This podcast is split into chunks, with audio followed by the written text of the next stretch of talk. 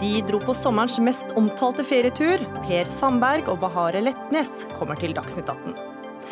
Regjeringa bør bruke milliardene i Nasjonal transportplan til å la norsk industri bygge vei og bane, istedenfor å la kinesiske selskaper sitte igjen med gevinsten, mener Senterpartiet, som møter samferdselsministeren til debatt. Og vi vil gjøre livet lettere for arbeiderne, sier Fremskrittspartiets ungdomsparti, og foreslår å fjerne arbeidsmiljøloven. Som å sprinte tilbake til 1800-tallet, svarer Sosialistisk Ungdom.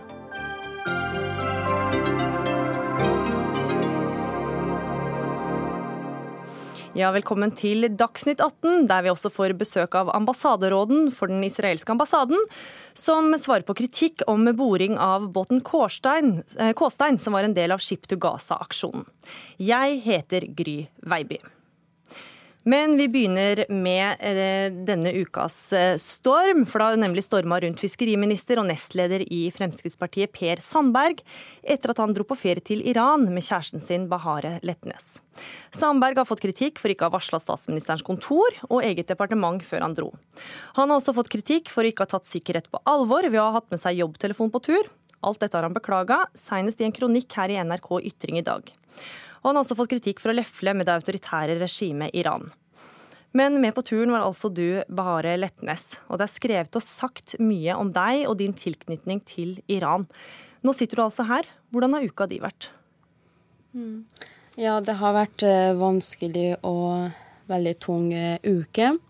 Um, fordi at uh, masse som har blitt sagt om meg, er usanne ting. Og og det er eh, urettferdig. Vi skal snakke litt om det som er sagt og skrevet om deg, men, men først så er det altså nå bekrefta at dere er kjærester. Hva var det du falt for ved Per Sandberg? At han er fra Skogn og trøndersk. og så eh, personligheten hans. Hva er det vi ikke vet om han, da, som, eh, som du falt for?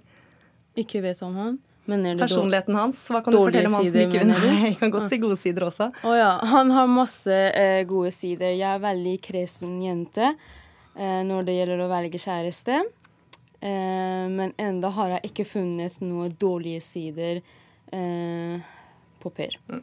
Så skal vi snakke litt om det som er skrevet og sagt om deg. Eh, fordi Leser vi det som er skrevet om deg, Leitnes, så kan det virke som om du er på oppdrag for eh, regimet Iran. Hva sier du til det? Mm. Uh, ja, første dagene når jeg hørte alt uh, om dette, at folk blander meg i uh, politikk, særlig når det gjelder politikk mellom Iran og Norge, og at jeg har nettverk innen iranske regimet Jeg først lo helt til eh, foregårs lo jeg bare. Også at hvordan folk kan si noe om sånne ting når de har ikke noe bevis på sånt heller. Eh, men eh, siden i går jeg, har jeg vært sint, lei meg og redd. Eh, fordi de påstandene de kommer med, er så sterke at jeg har fått dødstrussel. Mm. Men hva er din tilknytning til regimet i Iran?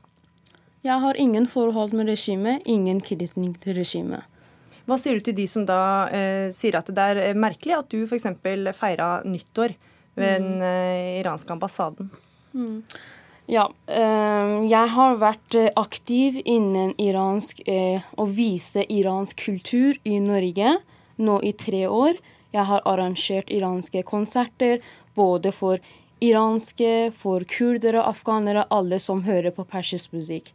Og så har jeg vært med og arrangert eh, filmpremiere i Norge. Men det er også markert av nyttår på eh, ambassaden, den iranske ambassaden her i Norge. Ja. Eh, hvorfor gjorde du det? Altså, Hva er din tilknytning til ambassaden i Norge? Eh, jeg har jo ikke noe tilknytning, jeg bare ble invitert. Og eh, jeg elsker Noros. Det er eh, en av verdens beste og eldste feiringer som jeg vet om. Jeg er stolt av den feiringen. Um, jeg synes uh, mange bør vite mer om den feiringen, fordi den feiringen forteller uh, Man skal uh, behandle alle folk, uansett hudfarge, religion, bakgrunn, rettferdig. derfor feirer vi Noruz og feirer vår. Vi feirer nye muligheter. Vi feiler en ny dag. Men noen har jo da hevda at denne dagen som du var med på å feire, eh, var også dagen da eh, Iran innførte sharialover, bl.a. Eh, dere må ikke blande Iran så mye med sharialoven. Eh, Iran har ikke så mye sharialov. Det er Saudi-Arabia som har mye sharialov. Mye av Irans grunnleggende lover ligner mer til Frankrikes eh, grunnleggende lover. Iran, når det gjelder straffelover, da er det hentet mye av islam. Men ikke alle regler. Så man kan si 20-30 av iranske grunnleggende lover er sharialoven. Ikke, ikke 100% Det høres ut som at uh, alle iranske lover kommer fra sharialoven. Det er helt feil. Har vi feil oppfatning av Iran, mener du? Ja, det er eh, helt feil. Blogger og tidligere journalist Mina Gabel Lunde skriver i en kronikk i Dagbladet at de gangene hun som norsk statsborger har besøkt Teheran, har hun hjertet i halsen fordi hun frykter fengsling og andre reaksjoner fra myndighetene. Men du som norsk statsborger reiser fritt rundt på ferie uten sjal og med kjæresten din. Hvordan forklarer du at det er greit for deg, når andre iranske kvinner da kan risikere å straffes med 80 piskeslag for det samme? Uh, er hun iransk borger? Mm, Norsk-iransk. Uh, er hun blitt pisket? Nei, men hun forteller hvordan eh, lovene ja. er i Iran. Jeg kan også fortelle at mange har blitt pisket. Men uh, hvor mange som blir pisket hver dag, det er få. Nå snakker vi om et land som er 85 millioner. Vi kan ikke si at alle blir straffet eller pisket når det skjer bare én eller to. ja, det er noen som blir pisket bare hvis de bryter lover med å drikke alkohol eller gå med helt uten hijab. Og jeg har ikke gått uten hijab. Da hadde jeg selvfølgelig blitt straffet.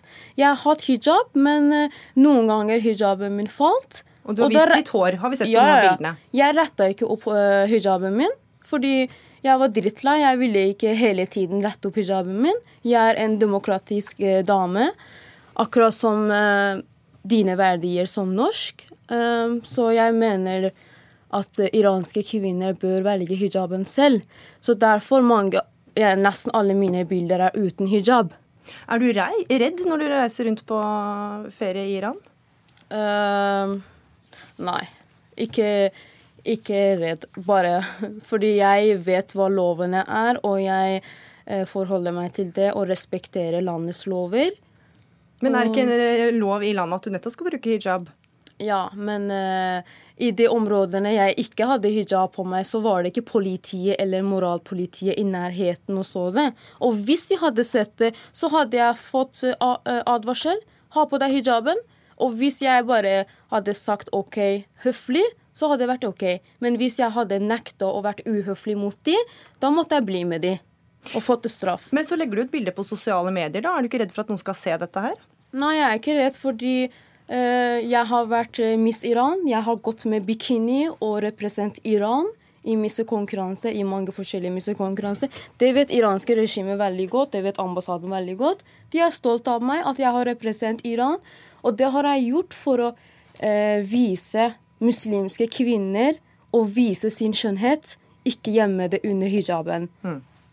Per Sandberg, vi skal snakke, snakke, litt med deg. og Du er fiskeriminister eh, for Fremskrittspartiet. Eh, man må være gift for å ferdes og bo sammen i Iran. og Vi ser jo på bilder at dere koser dere, er på restauranter og går på turer. Hvordan har dere klart å omgå reglene? Nei, Vi har ikke omgått noen regler i det hele tatt. Eh, vi var aldri alene. Noen spekulerer i det at vi har reist rundt omkring i Iran som par. Det har vi altså ikke. Det går ikke. Vi reiste rundt omkring i Iran. Vi bodde ikke på et hotell, vi var ikke på noen institusjoner i hele tatt. Vi flytta oss imellom de private hjemmene, venn og familie. Så dere bodde aldri på hotell sammen? Aldri. Vi bodde ikke på hotell i hele tatt under hele reisen. Vi hadde private tilbud eh, avhengig av hvor vi var hen. i forhold til det. Og det er klart at Vi gikk jo sammen på gata, men vi var jo aldri alene. Eh, og jeg registrerte at det var mange, heldigvis, mange par som gikk eh, og holdt rundt hverandre. Eh, mange kvinner lot hijaben eh, felle. Stille protest mot eh, dette forferdelige regimet, som vi alle sammen er imot. Også det iranske folk. 80-90% av det iranske folk er jo mot dette regimet. Nå er det 40 år neste år. Og vi får håpe og tro det at, at Iran går i en positiv retning. Og Det er derfor at vi også eller i hvert fall jeg, da, hele tida er ute og reiser, enten til Iran eller andre land, så er det dette med å snakke med folket som er viktig. Vi kan jo ikke vende folket i ryggen sjøl om at du har en diktator eller du har et regime som er helt forferdelig. Da må vi bistå folket. Så du anbefaler fortsatt Iran som et eh, reisemål? Ja, Det er jo ikke bare jeg som anbefaler det, det er en rekke andre. Turismen til Iran er jo sterkt økende, eh, også fra Europa. Eh, men det er klart at eh, når man blir utfordra i forhold til det her med at hijaben faller en gang iblant, så mener jeg at vi, vi, i Norge og i Vesten bør jo tiljuble alle de kvinner som utfordrer regimet og denne loven eh, på alle mulige måter. Selv om, en, selv om, at det er en risiko rundt det. Hva syns du om reaksjoner fra bl.a. dine partifeller da, om at du på en måte jubler fram Iran som eh, et reisemål, og mange eksiliranere som reagerer? Jo, men det, det, forstår jeg veldig godt. Særlig eh, eksiliranere. Eh, men det jeg har gjort både i Facebook-status, det å fortelle det at Iran er et flott land, og det er et flott folk. Det må ikke kobles opp imot at jeg er noe eh, tilhenger av regime, styresett og alt mulig. Jeg er gjennom mine 30 år i politikken jobba steinhardt mot denne type styresett. Overgrep mot folk. Det er at folk ikke har valgfrihet, likestilling og alt dette. Og det, det, gjorde jeg også i denne runden. Så du forstår ikke at noen kritiserer deg for jo, at kan, det kan virke som at du jo, forstår, hyller Iran? Jo, jeg forstår det, men jeg hyller altså folket. Jeg hyller landets eh, muligheter. Men å, og, det å påstå at jeg hyller regimet, det syns jeg går vel langt. På samme måte som Bahareh nærmest blir beskyldt for å være en agent fordi at du har et sterkt engasjement i forhold til å fremme iransk kultur i Norge. Blir nærmest fremstilt som en mellomkvinne i forhold til eh, og har kontaktnett inn i myndighetene i Iran. Det eneste Bahar har gjort, det har hjulpet en NRK-journalist med å lage en reportasje om Iran. Eh, ellers er det ingen kontakt i hele tatt. Men, men, det er klart at når det fremstilles på denne måten, så er det klart at da må man forstå at eksiliranere, mine partikollegaer og andre blir skeptiske. Men jeg kan ikke nok få lov til å si det. Jeg besøker en rekke land, som mange andre. Det betyr jo ikke det at vi deler synspunktene og styresettene i disse landene. Men det er jo de færreste eksiliranere som f.eks. feirer nyttår ved ambassaden i Iran. Jo, men jeg, jeg tror dette med nyttår jeg tror det, Man må ikke blande nyttårsfeiringa med nasjonalfeiringa. Markerer dager ved den iranske ambassaden, da. Ja, vi var ikke ved på den ambassaden heller. Altså når det var nyttårsfeiring. I regi av den så, så Kors. ambassaden. Men altså, det, det, altså, jeg vet ikke hvor mange millioner mennesker som feirer akkurat denne nyttårsfeiringa. Eh, Canada, USA, en rekke andre land. Over 400 millioner over mennesker. Over 400 millioner feirer denne eh, eh Canadas statsminister var med på feiringen. Ja. Feira den dagen sammen med iranere. USAs president ja. alltid holder tale og gratulerer Iran med Noros. Mm. Det, så, Men hva er det du vil si at eksiliranere har misforstått da, når de kritiserer deg for å ha deltatt på disse arrangementene? Ja, fordi eh, som sagt, de tror at jeg er mellomkvinne. Selvfølgelig så vil de kritisere meg når de tror det. Men, men, det, men, du har ingen tilknytning til iranske Nei, ambassaden eller regimet? Ingen som helst kontakt? Nei. Men, men jeg må jo si det også, da. Altså, dette er jo mange som har kritisert meg. Det jo andre gangene jeg er i Iran. Og jeg har jo ikke besøkt Iran fordi at jeg deler deres eh, styresett. Jeg har besøkt Iran i to omganger. Det første er regjeringspolitikk, å, få på plass noe mer handel mellom Norge og Iran. Det andre var en ren feriereise. Men, men så er det klart at når du besøker en rekke andre land også, så er det noe samme problemstillingene. Men har vi misforstått? Altså, lettende sier her at det ikke er så mye sharialover i Iran. Er du enig i det? Deler du det synet? Er det ikke så ille som det vi har det, det trodd? Kan, det kan jeg veldig lite om. Men jeg, både når jeg var i Iran i 2016 og nå, eh, så registrerer jeg at det er nyanser. Eh, blant annet så var det vel samme Lunde som skrev det at vi ikke kunne bade sammen. Men Bare, Bahare og jeg vi bada sammen i Det kaspiske hav. Eh, Sjøl om at Bare måtte ha da en betydelig bekledning på seg, så bada vi sammen. Eh, så det, så det, er nyanser i dette. Og jeg så masse mennesker som, eh, unge mennesker som gikk hånd hand i hånd. Vi besøker kafeer. Så det er klart det er nyanser i det. Men det er klart at det er ikke noe argument for ikke at både jeg, Bare og alle andre skal jobbe for at alle iranske mennesker får de samme rettighetene og grunnleggende verdiene som basis, sånn som vi har i Norge. Eh, det, det, men det gjør vi ikke med å snu folk i ryggen. Det gjør vi gjennom det at vi eh, har en holdning og en politikk i forhold til styresettene. Men så er det jo det at dere deltar på disse arrangementene, som dere sier er ganske uproblematisk. Men f.eks. den ene, ene arrangementet dere deltok på, så ble bildene brukt i sosiale medier av den iranske ambassaden. Forstår, dere at enkelte stusser over det? At det virker som at dere legitimerer regimet? Nei, altså, det er du tilbake til nyttårsfeiringa igjen. Mm. Og jeg må bare ærlig innrømme at det var det jeg som sutra meg til å få lov til å være med på. For at jeg fant det spennende. For jeg leste meg opp på akkurat denne nyttårsfeiringa, som 400-500 millioner mennesker feirer rundt omkring. Eh, og som er helt uskyldig. Som er en feiring rett og slett for rettferdighet i bunnen. En uskyldig feiring, ja? Ja, det er en feiring for rettferdigheten for alle mennesker. Eh, som er bunnen og grunnlaget for denne, denne feiringa. Eh, men det at ambassaden bruker bilder, det kan vi kanskje ikke styre noe med, da. Selv om at det også er uskyldige bilder. Eh, det var flere der som tok bilder sammen med meg, for de syntes det var spennende at jeg var til stede. Eh, og så på alle de kulturinnslagene eh, som var på dette arrangementet. Hvor har ambassaden brukt bildene? Det er i hvert fall sagt at de har blitt brukt som å promotere altså den iranske ambassaden for arrangementene deres på sosiale medier. Så de har brukt bilder av dere. Ok, men uh, jeg har hørt at det er noen andre folk som har tatt bilde, og de ble kasta ut av vaktene.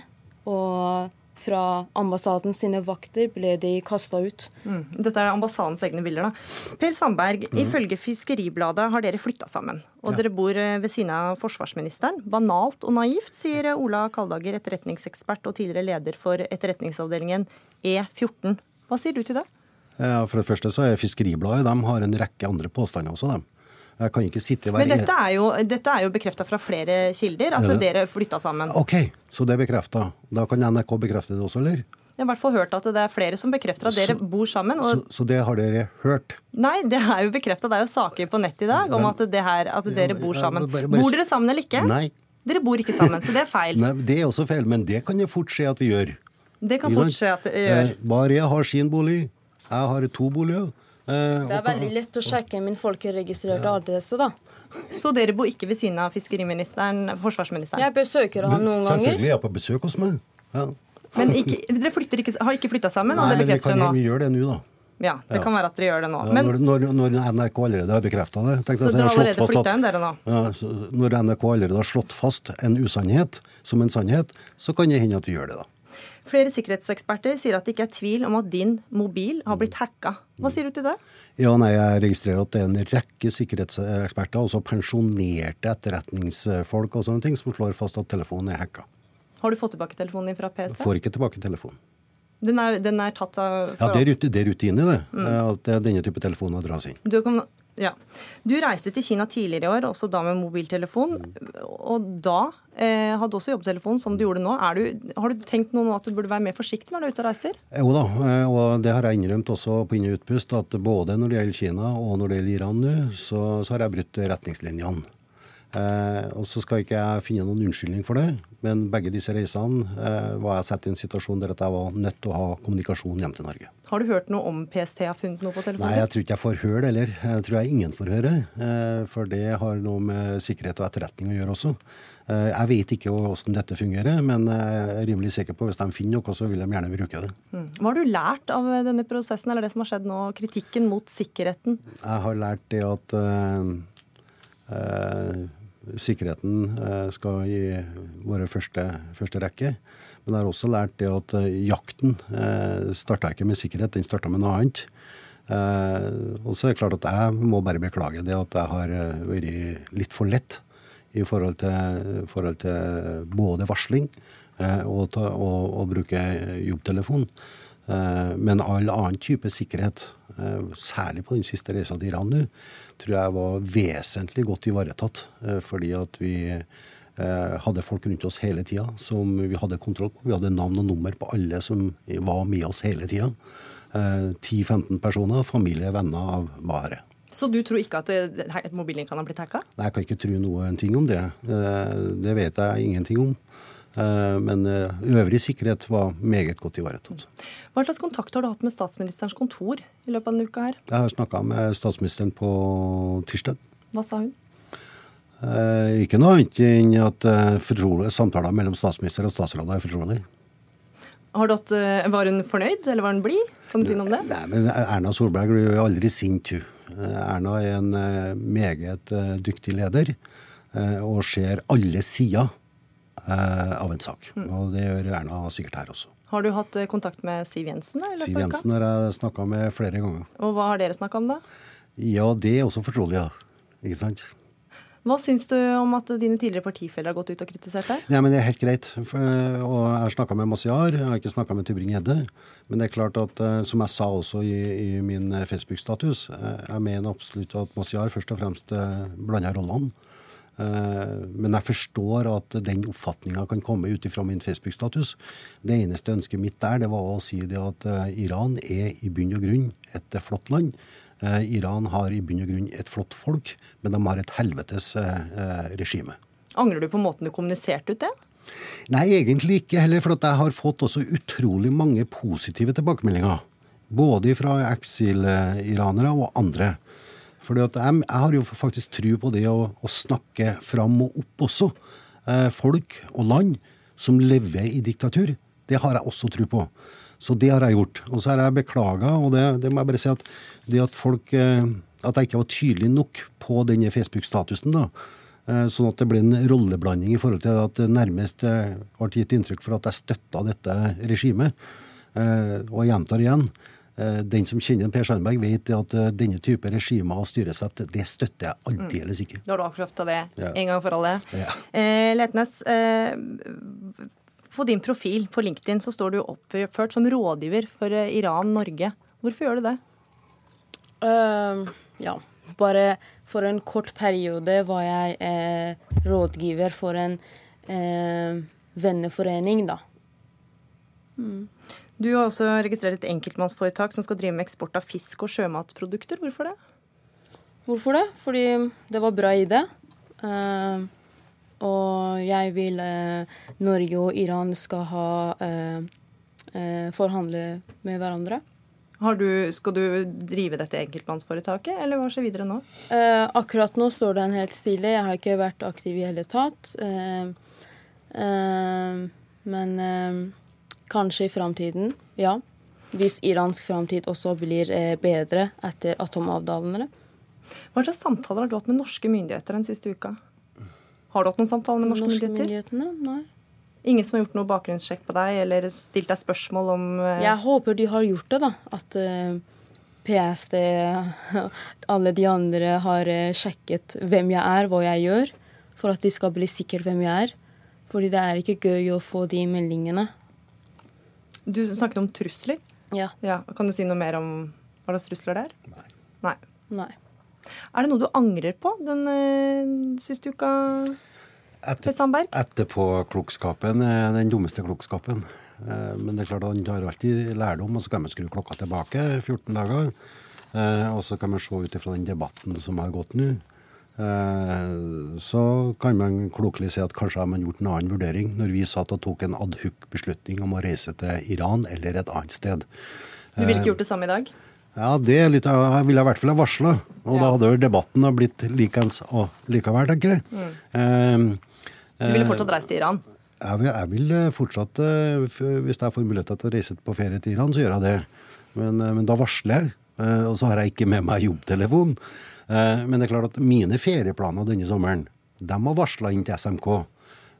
Men alle mine ferieplaner ble betydelig endra, av ulike årsaker, også av sikkerhet, faktisk. Eh, og derfor så, som jeg har sagt, i stedet for at vi skulle gå og trå vannet her i Oslo, så leita vi etter et annet eh, feriemål. Og så var det jeg, faktisk, som sa at eh, kan vi reise til Iran? Og da sjekka vi opp det. Ja, det får vi håpe det er siste gang vi hører om deres Iran-tur. Tror du det? Nei, jeg tror ikke det er siste gangen. Vi må skrive bok om, om dette. vet du. Kanskje vi ses i dette studiet en til uka. Ja, Takk for at dere var med i Dagsnytt 18, Per Sandberg, fiskeriminister, og Bahare Letnes. Dagsnytt 18 alle hverdager kl 18.00 på NRK P2 og NRK2. Søndag ble Kårstein, en del av Ship to Gaza-aksjonen, stansa av den israelske marinen i internasjonalt farvann 53 nautiske mil fra Gazastripen. Mannskapet ble arrestert og sier at de ble utsatt for vold. Kårstein skulle forsøke å bryte blokaden av Gaza og hadde med medisinsk utstyr og aktivister fra en rekke land om bord. Og norsk UD har bedt israelske myndigheter klargjøre på hvilket grunnlag de grep inn mot den norske båten. Vi har med ambassaderåd for den israelske ambassaden Dan Porus. I'm just telling what happened. Uh, the Norwegian Ministry of Foreign Affairs has also inquired on what grounds Israel arrested uh, this Norwegian ship. What is your answer to that? Well, Israel uh, see, stopped the Norwegian ship um, because the crew on the ship were about to uh, breach an internationally recognized naval blockade over Hamas ruled Gaza Strip. Now, Hamas is an internationally recognized terror organization that is recognized as such, by the way, not only by Israel and Egypt, but also by Canada, Australia, the European Union, the United States, a terrorist organization that has carried out numerous suicide attacks against Israeli civilians and to this day is still launching rockets. More than 10,000 rockets have been launched against civilian targets in Israel from Gaza. Uh, also, 8,000 uh, acres of farmland have been scorched to the ground. This is something that it's not getting media attention in Norway, unfortunately. But 8,000 acres of farmland in southern Israel has been scorched to the ground. That's like 72 vigilant parks. Yes.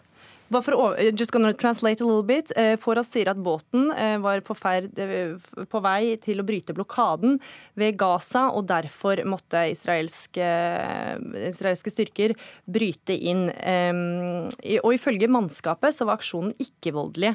Allikevel brukte de israelske styrkene elektrosjokkvåpen og vold.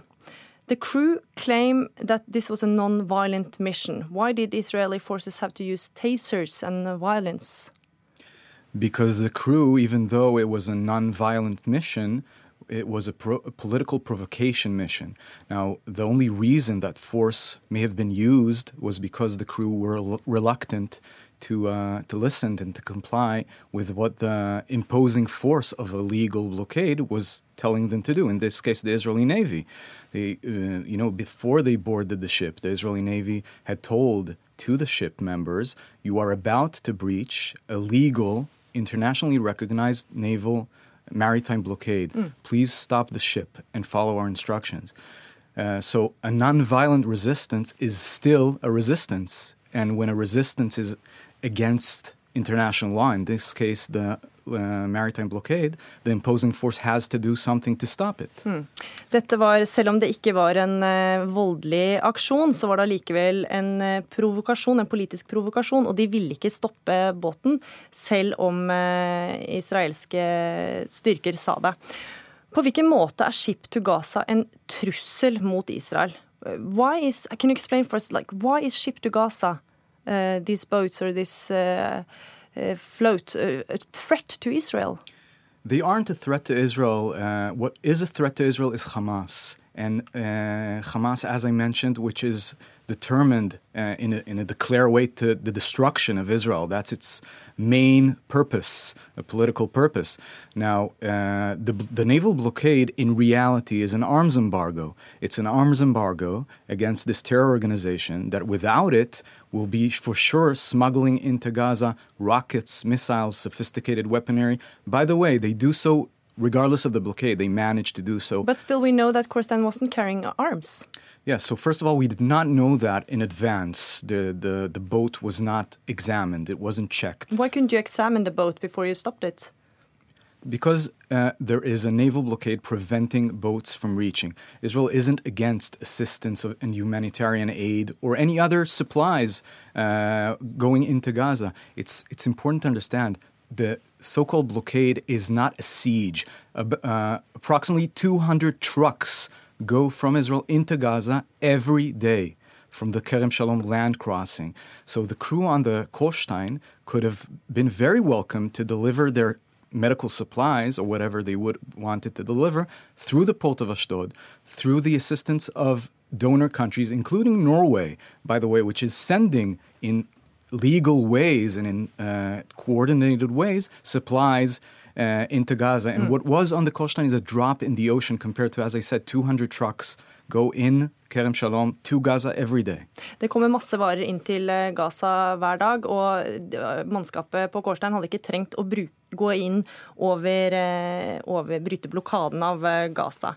Sier også at de kan, må stoppe disse her, fordi at i Gaza så er Hamas, som han sier at vil utslette Israel. Og ifølge aksjonistene så skulle varene de hadde om bord leveres til befolkningen på Gaza, og ikke til Hamas. Uh, Hamas, according to the crew on board, their intentions was to deliver medicines and supplies to the people of Gaza, not to Hamas. Why is that a problem? It's not a problem at all. The, the people in Gaza are entitled to get um, medic- medicine, uh, any kind of uh, supplies. The thing is that there are ways to do so. And to be honest, I don't believe that the crew on the boat ever thought they would reach Gaza. And they themselves declare that they never intended to bring really humanitarian aid. I can tell you that in the beginning, and you can ask them, uh, their intention was to give the boat. There was no medical supplies from the beginning on the boat. So their intention was to create a political provocation. In that sense, their journey was very successful. All along, they never believed they would reach Gaza because they knew that the Israeli Navy would stop them. Dette var bare en aksjon, og de visste at eh, det israelske forsvaret ville stoppe dem. Dette var bare for å provosere. Ship to Gaza does this regularly. We read about these ships coming and being stopped by Israeli armies, and you too know that it will get media attention. So why do you use electroshock weapons, for instance, when you know that this will eh, enhance the negative media coverage of Israel? Well, it's a, it's a tricky thing because the activists, which again, their sole purpose was to create this political provocation and make Israel look bad, they, they kind of succeeded in what they wanted. But Israel too know the drill. They know that they want this to happen, maybe, and then create more negative attention uh, for Israel. Yes, but when you're thinking about the negative attention that Israel might get or not get versus security concerns and preventing weapons getting into Gaza by imposing this blockade, we'll choose the, you know, we'll, we'll prefer to look bad in the media, but to keep our citizens alive. Vi, vårt eh, viktigste mål er å få innbyggerne til å være trygge.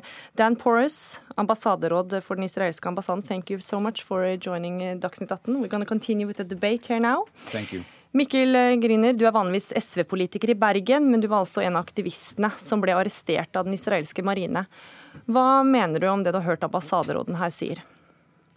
Det er eh, en retorikk vi eh, kjenner godt. Eh, vi hører Israel uttale seg øh, på samme måten som øh, mannen som slår konen sin, og så øh, spør han etterpå hvorfor fikk du meg til å gjøre det. Men han sier jo her at dere brøt eh, blokaden eh, ved å seile inn der hvor vi dere var var. langt fra å bryte blokaden. Vi var over øh, 40 øh, nautiske mil fra land da de øh, kom og kapret båten vår i internasjonalt farvann øh, med en svært øh, brutal øh, aksjon. Hva kan du si om formålet med det båtturen deres? Ja, vores, Hva er det dere øh, ville? Vårt formål var tredelt. For det første så øh, ønsket vi øh, faktisk å levere denne fiskebåten Kårstein øh, til øh, øh, våre øh, sivile øh, partnerorganisasjoner øh, til fiskerne øh, i Gaza. Og vi hadde et øh, håp om at, øh, at Israel ville øh, tillate det. Men samtidig så, basert på tidligere forsøk, så forstod vi jo at det var en risiko for at Israel ville borte båten. Øh, Det andre formålet var selvsagt å skape oppmerksomhet om saken, og det stemmer jo at alt politisk arbeid handler om å skaffe oppmerksomhet om, om viktige saker. Israel bruker selv millioner på sin propaganda. Det tredje formålet, og kanskje det viktigste formålet, var å vise det palestinske folket at det finnes folk i verden som stiller seg solidarisk med øh, deres situasjon, som vet hvordan de har det, og som er villige til å utfordre Israels forbrytelser mot menneskeheten. Bjarte Ystebø, du er assisterende redaktør i Avisa Norge i dag. Og Ship to Gaza har forsøkt å bryte blokaden på denne måten en rekke ganger over flere år. Hvor hensiktsmessig mener du denne aksjonsformen er? Jeg tror de må si at det har vært en vellykket aksjon fra deres side. Jeg merker meg at Gryner i parentes nevner det som er det offisielle formålet med, med dette, nemlig at man skal levere disse varene til Gaza, men bruker mer tid på å, å legge frem det som er de virkelige eh, beveggrunnene til eh, Ship to Gaza, nemlig å skaffe internasjonal oppmerksomhet, sette Israel i et dårlig lys. Dette er en politisk PR-kampanje, og det er tillatt å bedrive. Det var sånn Donald Trump ble valgt som president i USA. Det som er kritisk, er jo at mediene formidler dette helt ukritisk. Eh, det er agurktid. Ship to Gaza-folkene tenker vi har ferie, her kan vi komme på TV. Eh, men én ting er mediene, men hva med den aksjonsformen som eh, Mikkel Gryner og de andre driver med? Ja, altså, jeg, jeg, registrerer at de har lagt sommerferien sin på en seiltur til Middelhavet. De vet at hvis de utfordrer den israelske blokaden, så får de god behandling på, etter alle målestokker. De får det i tråd med de idealene som finnes i demokratiske land. Deres rettigheter og deres sikkerhet blir ivaretatt. Grüner sitter her i god behold og kan snakke om dette få dager etter at det skjedde. Så de har eh, visst veldig godt at dette kommer til å gå veldig bra. Og de har lyktes med det som en PR-aksjon. Eh, men, men, vi kan ikke se bort fra dette med måten dette blir formidlet i Norge. Det er pinlig. Vi har veldig lite fake news i Norge, men dette er virkelig, når det gjelder Israel, så er det mye av det. Så, så er det mange som spør, og jeg syns Dan Poraz gjør godt rede for det, hvorfor Israel må være bestemt når de går om bord på et, et, fartøy, enten det er innenfor eller utenfor grensen. Det var opplagt at disse hadde tenkt å ta seg inn til Gaza. Israel vet ikke hva som møter de når de kommer om bord. Er dette bevæpnede terrorister som vil drepe de, sånn som det var i 2010, når Mavi Marmara gikk mot Gaza? Eller er dette folk med lusekofte som bare har lyst til å komme på TV? Jeg eh, ønsker Gryner og gjengen alt godt, men når de tar seg ulovlig inn i det som i realiteten er en krigssone, og utfordrer en lovlig sjøblokade, så må de forstå at det kan bli en konfrontasjon. De har egentlig oppnådd det de ville. Tenk om de hadde blitt tatt imot av Israel med rød løper og hornorkester. Da hadde de ikke hatt noe å fortelle. Mm. Så fra Ship to Gaza sin side så har dette vært en kjempesuksess. Ja, Gryner Poras, som han sa her, så var jo dette her Det var kanskje ikke en voldelig øh, aksjon. Det kunne jo ikke de vite i forkant, men det var en politisk provokasjon. Altså, eh, Nå var jo faktisk jeg på båten eh, og øh, opplevde Israels eh, vennlige øh, behandling. Øh, vi ble utsatt for elektrosjokkvåpen, hvor kapteinen ble øh, banket opp, skallet ned, hvor eiendeler ble stjålet. Soldatene tok til og med klokker fra folk, kontanter.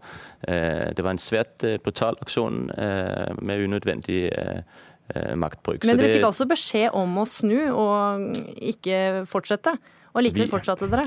Vi, vi var et eh, norsk fartøy eh, i internasjonalt farvann. Vi seilet under norsk flagg med retten til eh, fri passasje. Så selvsagt hadde vi ikke noe, noe ønske om å, å, å, gi båten vår til den israelske flåten. Ystebø, vi hører jo her Gryner og de andre fortelle at de ble utsatt for vold og elektrosjokkvåpen. Er ikke dette bare dårlig omtale for Israel også, når de oppfører seg på den måten? Tar så sterke virkemidler i bruk? Det kan du si, men du må alltid slå av litt når, når, disse aksjonistene skal fortelle hva de har opplevd. Jeg nekter å tro at det var så brutalt som Grüner forteller. og Uansett målt mot alle andre politiaksjoner som skjer i norske byer, så er dette her en helt akseptabel behandling. Og Han sitter som sagt i trygg behold i Bergen og kan fortelle om dette. Jeg tror at de som driver disse aksjonene først må gå i seg sjøl og finne ut om de er mest drevet av hat mot Israel eller barmhjertighet for palestinaraberne. For dersom det er det siste, så bør de heller stille de palestinarabiske lederskapet til ansvar for det terrorveldet de har skapt. Og mest av alt Hamas på Gazastripen. Der henretter de annerledes tenkende i gatene. De skyver kvinner og barn foran seg i væpnet kamp. De forherliger terror mot sivile og reproduserer hat fra generasjon til generasjon. Veien til en lys fremtid for den palestinarabiske befolkningen ligger åpen. Men de må legge ned volden og hatet. Israel vil gjerne være deres beste venner og naboer og leve i fredelig sameksistens. Det burde være fokus også for disse eh, Ship to Gaza-folkene. Og eh, da tror jeg kanskje det vil se mye bedre ut i området i årene som kommer. Ja, Poras, nei, Gryne, hvorfor kan dere ikke gjøre det dere vil på andre måter? Hvorfor må dere igjen seile inn og få et ganske forutsigbart resultat, da? Ja, Anders kjenner øh, mange forskjellige måter å jobbe med Palestina-spørsmålet på. Øh, jeg mener ikke at vår aksjonsform er den eneste aksjonsformen, men jeg mener det er en gyldig og nødvendig aksjonsform. Så vil jeg si at jeg har øh, aldri opplevd norsk politi true med å henrette folk hvis ikke de fulgte ordre, sånn som vi opplevde på båten. Og Hvis Ystebø ikke ønsker å ta mine ord for det, så kan han høre hva de utenlandske journalistene som var på båten, forklarer. Han kan høre hva Al Jazeera-journalistene som var på båten, rapporten sier. Dette med Hamas er noe som vender tilbake til stadighet i argumentasjonen til Ystebø og hans meningsfeller. Og Det er selvsagt fordi at de ikke ønsker å få fokus på det faktum at halvparten av Gazas befolkning er barn. Ikke terrorister, men barn. Barn som lever med underernæring, med PTSD, og som lever i et uh, sønderbumpet og ødelagt samfunn. Og Det er ikke pga. et vulkanutbrudd eller en naturkatastrofe. Men kunne dere hjulpet på en annen situasjon. måte? Kan dere ikke være med på å spisse konflikten ved å, gjøre, ved å handle sånn som dere gjør nå? Jeg tror at ansvaret må plasseres der hvor det hører hjemme hos Israel. Det er Israel som er okkupasjonsmakten, og det er løsningen ligger hos Israel. Jeg forstår ikke hvorfor det er så vanskelig for Ystebø og hans meningsfeller å stille seg solidarisk med ofrene. Jeg har ingen problemer med å fordømme Hamas sin vold mot sivile. Jeg skulle ønske at Ystebø kunne fordømme Israels overgrep og vold, som er systematisk og som er ødeleggende. Og så vil jeg si en ting til, og det er Israelerne begår overgrep mot det palestinske folket rutinemessig og systematisk. Men de begår også et overgrep mot seg selv. Det jødiske folket eh, har en stolt og en trist historie, men Israel setter en skamplett på den historien. De burde forstå at de kan, kan, og bør leve sammen med det palestinske folket som brødre. Da, Ystebø, du kan få to sekunder til å svare på det. Ja, det er jo ganske komisk. Eh, Gryner sier at Israel er okkupant. Israel trakk seg ut av Gaza i 2005. De bar sine egne innbyggere ut av Gaza i løftet mot å få fred. Og de har bare fått raketter og bomber og terror tilbake. Og med det så, så kan, kan vel konstatere at vi ikke klarte å løse denne konflikten i Dagsnytt 18 i dag heller. Bjarte Ystebø, assisterende redaktør i Norge i dag, takk for at du var med i Dagsnytt 18. Takk også til deg, Mikkel Gryner, SV-politiker og mannskap på Kårstein. Hør Dagsnytt 18 når du vil. Radio nrk.no. Regjeringa er naiv når de lar kinesiske selskaper få delta i anbud på lik linje med norske entreprenører. Det sier Senterpartiets leder til Nasjonen i dag. For de neste tolv årene skal Norge bruke 1000 milliarder kroner på å bygge vei og bane. Flere utenlandske selskaper, deriblant kinesiske entreprenører som Norge ikke har en sikkerhetspolitisk avtale med, er interessert i å vinne jobben i anbudskonkurransene. Og Sigbjørn Gjelsvik, det er stortingsrepresentant eh, for Senterpartiet. Norge bruker mye krefter på å vinne markeder for eksport av laks, f.eks., eh, i land som Kina. Hvorfor skal vi stenge døra for Kina, men så forventer vi gjestfrihet den andre veien? Vi stenger ikke døra for Kina. Vi har jo lang tradisjon for å handle produkter fra Kina. Det kommer vi òg til å gjøre i framtida. Men vi er likevel naive når vi lar kinesiske selskaper få delta i anbud? Ja, Her gjelder jo for norske politikere å ivareta norske interesser, ikke kinesiske interesser. Når en inviterer inn et av verdens største entreprenørselskap til å konkurrere om en pott på 1000 milliarder kroner på investeringer i samferdselsprosjektet i Norge, så er det ikke til å tjene norske interesser. Et land som vi verken har handelsavtale med, og heller ikke sikkerhetspolitisk samarbeid med. Mm. Ketil Solvik-Olsen, samferdselsminister for Fremskrittspartiet. Hvilken betydning har det at kinesiske selskaper som Norge ikke har sikkerhetspolitisk samarbeid med, får lov til å konkurrere om å bygge opp norsk infrastruktur? Nå skal vi bygge veldig mye industri, industri, og infrastruktur. Vi skal investere vanvittig mye penger. Det er jeg veldig glad for. Det kommer næringsliv og innbyggere til gode. Og så er jeg òg opptatt av at vi skal sørge for at det kommer norske entreprenører og norsk næringsliv til gode i utbyggingsfasen. At vi eh, får sysselsatt flest mulig nordmenn. Når du ser på det som vi har gjort, så kjenner jeg ikke igjen den kritikken som kommer fra Senterpartiet. Over 90% av alle veiinvesteringer under vår regjering har gått til norske entreprenører. Mindre enn 80 gikk til norske entreprenører under Senterpartiet. Så hvis noen burde vært redde for utlendinger, så burde de i hvert fall ikke lytte til Senterpartiet og deres historikk. Vi skal òg huske at de siste kontraktene som har blitt inngått med kinesere, siden Senterpartiet tar opp det, de ble inngått under Senterpartiet. Både Hålogalandsbrua og Hardangerbrua ble bygd med kinesiske aktører. Det er ingen sånne kontrakter som er inngått med oss. Så her advares det mot en fare som ikke har materialisert seg de fire og et halvt årene dagens regjering har styrt, men som materialiserte materialisert seg mange ganger når nettopp Senterpartiet styrte. Ja, Gjelsvik, det hører jo her fra, nei, fra regjeringa at det er de færreste kontrakter har gått til kinesiske entreprenører, men tvert imot de norske. Ja, Nå var jo det faktisk Solvik-Olsen sjøl som signerte avtalen på Hålogalandsbrua, men jeg er ikke så Jo, det var Solvik-Olsen som Jeg har ikke signert en eneste kontrakt, men det ble forhandla fram under Senterpartiet, signert rett etter Eh, den ble signert, det ble signert etter i de regjeringstid. Men, så, men, jeg er ikke så, eh, så, opptatt av å snakke om tall bakover i tid. Det forstår jeg. De, de har variert både i den rød-grønne perioden og i de regjerings... mens du har sittet som samferdselsminister. Det som er interessant, er jo hva slags politikk en skal føre framover. Og Da er spørsmålet blir det enklere eller vanskeligere for norske aktører å vinne konkurranse framover dersom en inviterer eh, kinesiske aktører inn. Et land som vi ikke har handelsavtale med. Eh, et eh, land som kan stille med helt andre både lønns- og arbeidsvilkår, sannsynligvis og andre eh, lavere kostnader på, på, andre områder.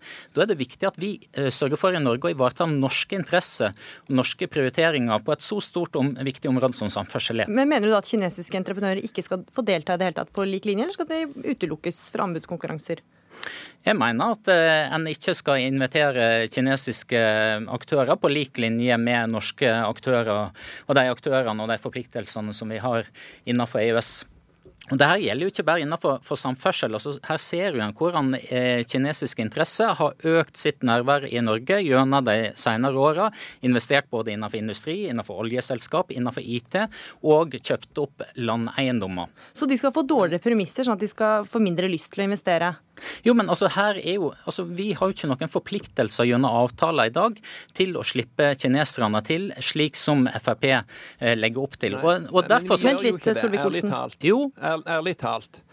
Det har ikke blitt inngått en eneste veikontrakt med kineserne så lenge vi har styrt. Det ble inngått tre kontrakter når dere styrte. Det har blitt inngått én kontrakt riktignok under, under de siste fire årene. Den ble inngått, inngått som en fylkesveikontrakt i Trøndelag, som er styrt av Senterpartiet. Men Solvik-Olsen, er du enig i at kinesiske selskaper ikke bør få like vilkår når de skal, eller altså få dårligere vilkår når de skal delta i anbud? Poenget er at det som Senterpartiet sier, de frykter at eh, kineserne skal komme inn på bedre vilkår, og at de ikke skal måtte forholde seg til norske lønninger, norske sosiale krav og lignende.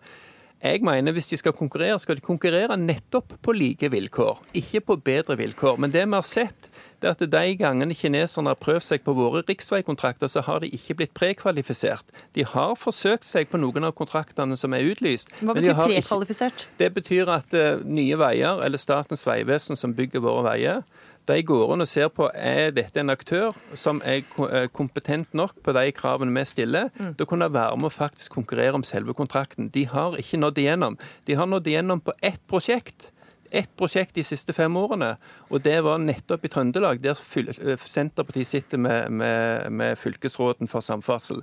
Og så må jeg òg bare peke på at når det gjelder ja, er det kinesisk eierskap i deler av norsk industri? Ja, det er riktig.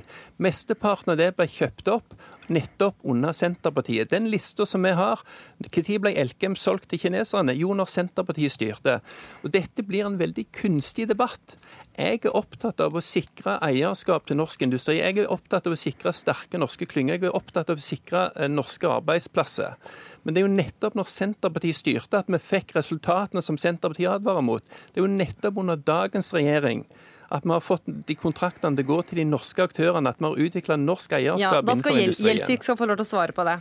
Ja, Den utviklinga har jo fortsatt og eskalert med den regjeringa som en eh, har nå. Det er stadig nye eksempel på at ja, kineserne, kineserne, investerer både innenfor oljeselskap, innenfor, innenfor Orkla, innenfor teknologiselskap, for å nevne noe. I som har skjedd. I mindre grad enn før. Nei, dere... ikke i mindre grad enn før. Men, men ja, det, som, det, som er, det, som, er, viktig, er hvordan en legger til rette politisk. Her har jo, har jo Solvik-Olsen vært hatt møte med kinesisk investeringsbank. Statsministeren og næringsministeren har hatt eh, møte med eh, entreprenørselskap i Kina. Rett etter så kommer, så kommer de aktørene til Norge og melder seg på i den norske debatten. Ja. Det, det må jeg få svare på. La, la meg bruke et eksempel, bare ett eksempel til. Da Fremskrittspartiet har forsøkt i sin regjeringstid å fjerne norske konsesjonslover. Et klart angrep på å ivareta Jo da, det har Sylvi gjøre. Listhaug må bare, forsøkt for at Vi skal ha med Hans Jørgen Gåsmyr, han er kinaforsker ved Universitetet i Bergen og NUPI. Hva vet vi om hvem de utenlandske tilbyderne er, og hvilke motiver de har for å investere i Norge? I hovedsak så er det store statseide kinesiske selskaper som delvis går inn i konsertium med hverandre og leverer eh, gode konkurransedyktige tilbud, med noen private aktører, med stort sett eh, statseide. mange av de her selskapene her er etter hvert blitt svært eh, erfarne, og jobba seg opp masse erfaring og holder et ganske høyt profesjonelt nivå ute i verden. Både i utviklingsland, støtta av internasjonale organisasjoner, men også i industrialiserte eller såkalte Vesten, hvor kinesiske selskaper også tilbyr tjenester. Og de kommer selvfølgelig til Norge for å utvikle sine forretninger, eh, levere anbud og vinne de, og utvikle selskapene sine. Hva slags informasjon kan kinesiske myndigheter få da, av at kinesiske selskaper jobber med å bygge bane og vei i Norge? Det er ingen tvil om at det er tette bånd eller større, stor grad av styring med um, kinesisk økonomi fra statlige, det statlige og det store statlige apparatet. Uh, og Det er noen regler og noen uh, retningslinjer der som går ut på at man skal dele en viss type informasjon. Men den er nok mye mer begrensa enn det som er det generelle bildet. Der, hvis det er snakk om risiko eller sikkerhetsvurderinger, så skal kinesiske selskaper etter regelen levere hjem. Men det er ikke sånn at kinesiske selskaper, private private eller statlige som opererer rundt omkring i verden, har noen automatikk i å liksom rapportere hjem til myndigheter. Men allikevel så er de litt kontroversielle. Hvorfor er de det? Ja, Det er det mange grunner til. og er, De grunnene er ganske sammensatt. For det første så er det jo et ganske nytt fenomen at kinesiske selskaper er såpass til stede i Europa, etter hvert også i Norge, spesielt i, i noen næringer. Og så er det jo sånn at Kina er et autoritært land, det er et annerledes land som mange er skeptiske til. Og det er generelt liten kunnskap kunnskap om kinesiske selskaper og hva de bidrar til, og hva deres motivasjoner er. Noen er også skeptiske til kvaliteten. Kina er jo på mange måter fortsatt et utviklingsland, og noen lurer på om de faktisk er gode nok. Eh, og så er det det her tilbake til det her med din statlige engasjementet, eller den graden av styring, selvfølgelig, som mange er skeptiske til. Kina er stort, selskapene er store. Mange er redd for at eh, de kan bli for dominerende, at de kan få konkurransefortrinn, og at det også kan pågå en viss deling av informasjon eh, tilbake. Så Det er skepsis. og så Det er jo igjen knytta til en mer sånn sikkerhetspolitisk uh, vurdering, som noen miljøer i mange land uh, gjør. Uh, og Da er man spesielt opptatt av, som litt av debatten har gått i her hos dere i dag, om at kinesere kan komme inn i såkalt sårbar eller kritisk eller strategisk infrastruktur og bli del av den, og kan få en viss styring med den, og kanskje også da påvirke. Okay, da må jeg bare spørre deg, Ketil Solvik-Olsen, Er det en frykt du som samferdselsminister har? Altså, jeg er opptatt av at vi skal utvikle norsk næringsliv og norske arbeidsplasser når vi bygger norsk infrastruktur. Så vet vi samtidig at òg norske entreprenører syns det er bra å ha konkurranse fra andre aktører, både fordi vi skjerpes av det og vi kan lære av det. Men vi ser altså at i de fire og et halvt årene som dagens regjering har styrt, så har ikke kineserne vunnet en eneste kontrakt. De vant mange kontrakter nettopp under Senterpartiet. Mm. Men vi skal hele veien sørge for at norsk næringsliv møter konkurranse òg fra utlandet. fordi at det er med å sørge for at vår, vårt næringsliv ikke sovner hen, men er i verdensklasse. Jeg er veldig glad for at de norske store entreprenørene og de små entreprenørene bekrefter det til oss.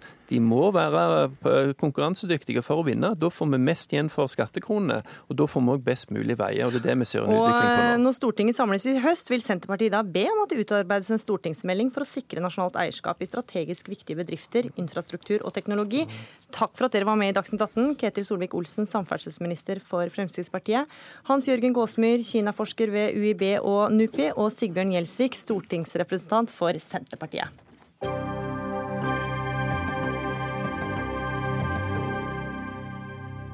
Det var nok noen som satte kaffen i halsen da de leste Fremskrittspartiets Ungdomsparti i Oslos nye forslag.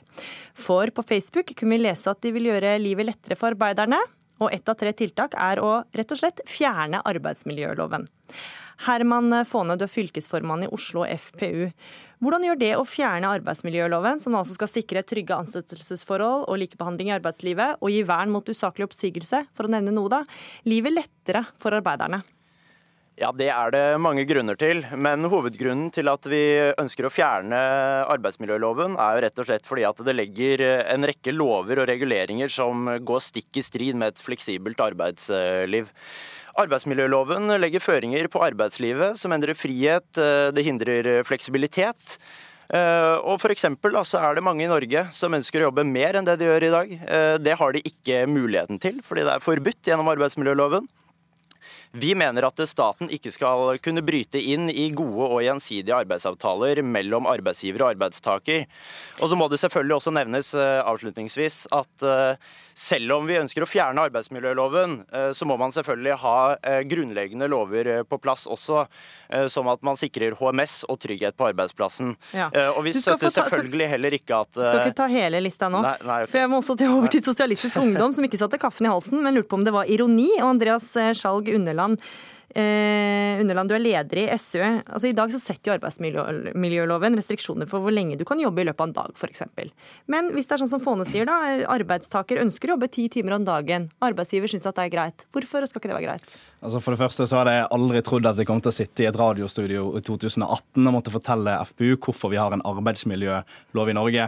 Eh, og som du sier, så har mange reagert i sosiale medier, og det er litt vanskelig å ta dette forslaget på alvor. For det er ikke bare å gå ett eller to skritt tilbake. Her snakker vi om å begynne å sprinte mot 1800-tallets eh, arbeidsliv. Og det er det grunnpremisset når FPU snakker her som er eh, er bare helt totalt feil. For det arbeidslivet er ikke et spill mellom to likeverdige parter.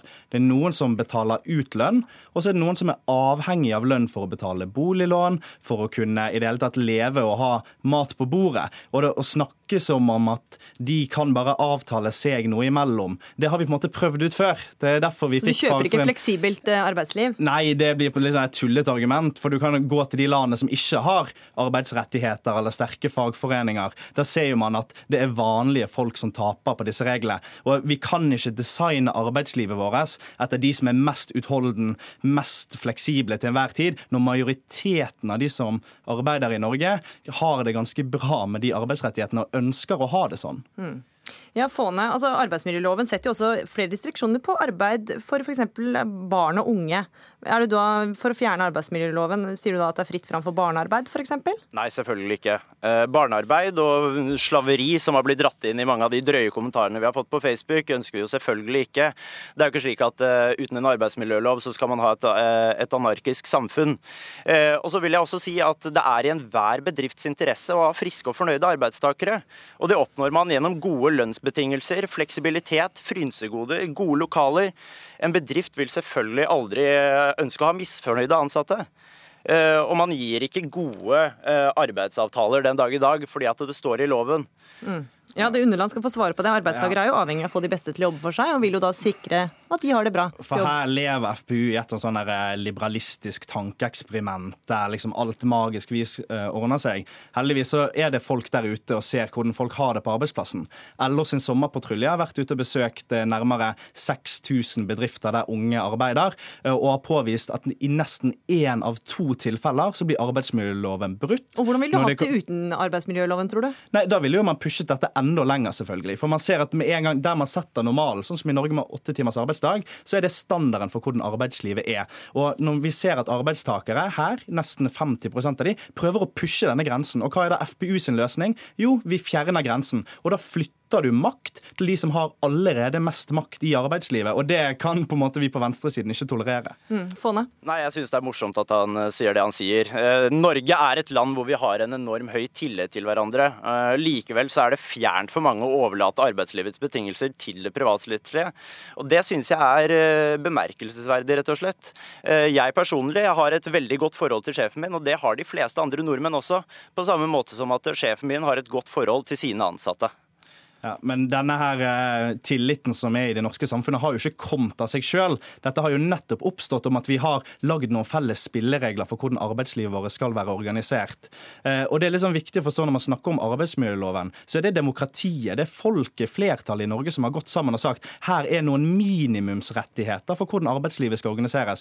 Den meste organisering av arbeidslivet skjer jo gjennom tariffavtaler mellom fagforeninger, de som arbeider på arbeidsplassen, og sjefen. Når man fjerner og svekker arbeidsmiljøloven, så sier man at nå skal man flytte og forskyve dette maktforholdet i favør av sjefen. Mm. Nei, det er, det er, heller ikke riktig. Eh, og så vil jeg også si at arbeidsmiljøloven er et kremeksempel på en feilslått one size fits all-lovgivning. For at Hvert eneste menneske er forskjellig, og man kan ikke ha et lovverk som eh, betinger seg på at alle er like. Det er forskjellige behov blant alle.